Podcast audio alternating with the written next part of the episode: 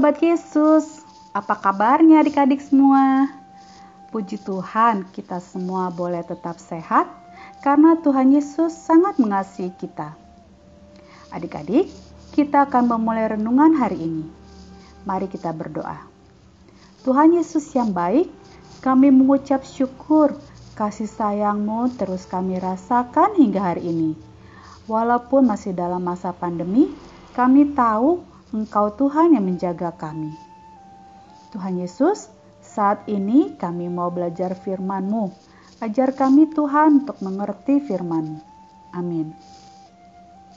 Nah adik-adik, firman Tuhan hari ini terambil dari 1 Samuel 17 ayat 50 sampai 51. Demikianlah Daud mengalahkan orang Filistin itu dengan umban dan batu. Dia mengalahkan orang Filistin itu dan membunuhnya tanpa pedang di tangan. Daud berlari mendapatkan orang Filistin itu, lalu berdiri di sebelahnya. Diambilnyalah pedangnya, dihunusnyalah dari sarungnya, lalu menghabisi dia. Dipancungnyalah kepalanya dengan pedang itu. Ketika orang-orang Filistin melihat bahwa pahlawan mereka telah mati, maka larilah mereka Yeay, asik, asik, asik.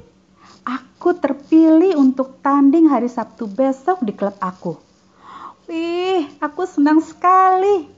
Akhirnya aku mendapat kesempatan untuk bertanding. Setelah berapa bulan ini, aku berlatih, berlatih, dan melakukan semua yang diajarkan pelatih kami. Wow, rasanya senang banget bisa kepilih. Teman-teman, Padahal lawan kami besok tubuhnya tinggi-tinggi dan besar karena umur mereka sudah 13 tahun. Tapi aku tidak takut. Aku kan sudah berlatih dan aku yakin Tuhan pasti menolongku. Teman-teman, aku juga teringat pesan papa nih.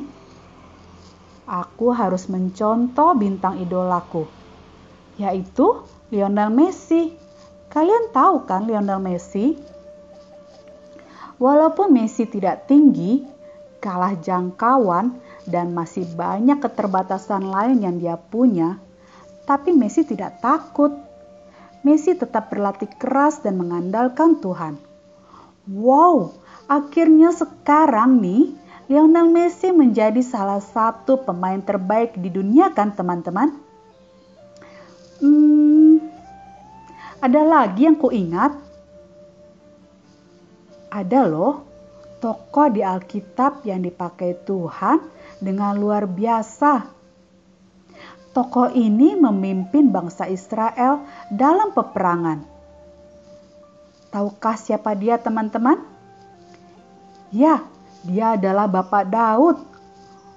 Walaupun Daud hanya seorang penggembala domba, pekerjaan Bapak Daud hanya menjaga ternak ayahnya dengan baik. Bapak Daud tidak pernah belajar ilmu berperang. Bapak Daud juga tidak tahu bagaimana memimpin dalam peperangan. Tapi Bapak Daud tidak takut dan selalu mengandalkan Tuhan. Adik-adik, melalui kisah Bapak Daud dan Lionel Messi, kita belajar bahwa Tuhan mau memakai siapa saja, walaupun tubuh kita kecil dan lemah.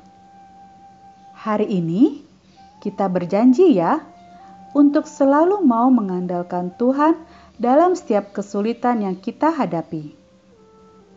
Adik-adik, kesulitan apa yang sedang kamu hadapi saat ini? Ayo, adik-adik, kita ucapkan dengan suara yang keras ya. Aku mau belajar lebih giat, berusaha, dan selalu mengandalkan Tuhan. Mari kita berdoa.